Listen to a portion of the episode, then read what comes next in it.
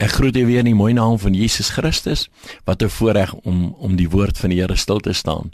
En ek wil vanaand die geleentheid gebruik om 'n bietjie te praat uit uh, Matteus 11 vers 28.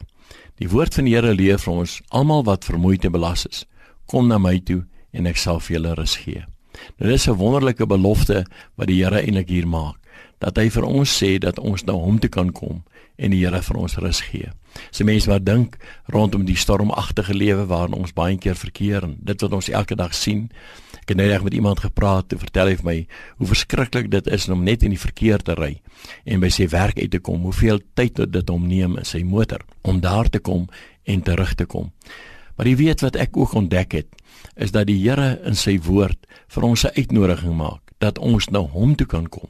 Jy weet dikwels gaan ons na ander goed Ons gebruik baie keer sê ja, ek moet hierdie soort pil gebruik en ek moet daardie soort ding gebruik om te kyk of ek rustigheid in my eie gemoed kan bewerkstellig en dikwels vind ons dit dat mense nie daaruit eh, rus en vrede vind nie.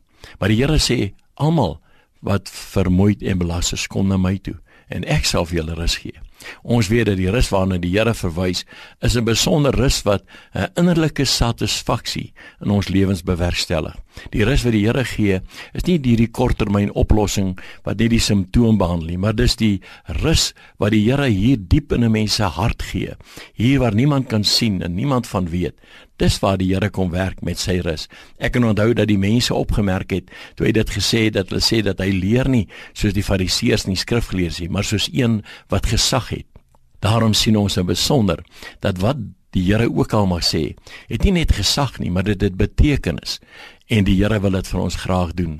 My so pragtig in Psalm 23 waar die Here sê dat hy is ons herder.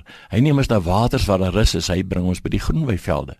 Hy verkoop en versadig ons met die goeie. Daarom wil ek bid in besonder dat jy hierdie rus sal ontdek en dat jy deur sy woord en deur sy krag en deur sy heerlikheid dit 'n innerlike satisfaksie sal bewerkstellig. Ons vra dit alles in die mooi naam van Jesus Christus. Amen.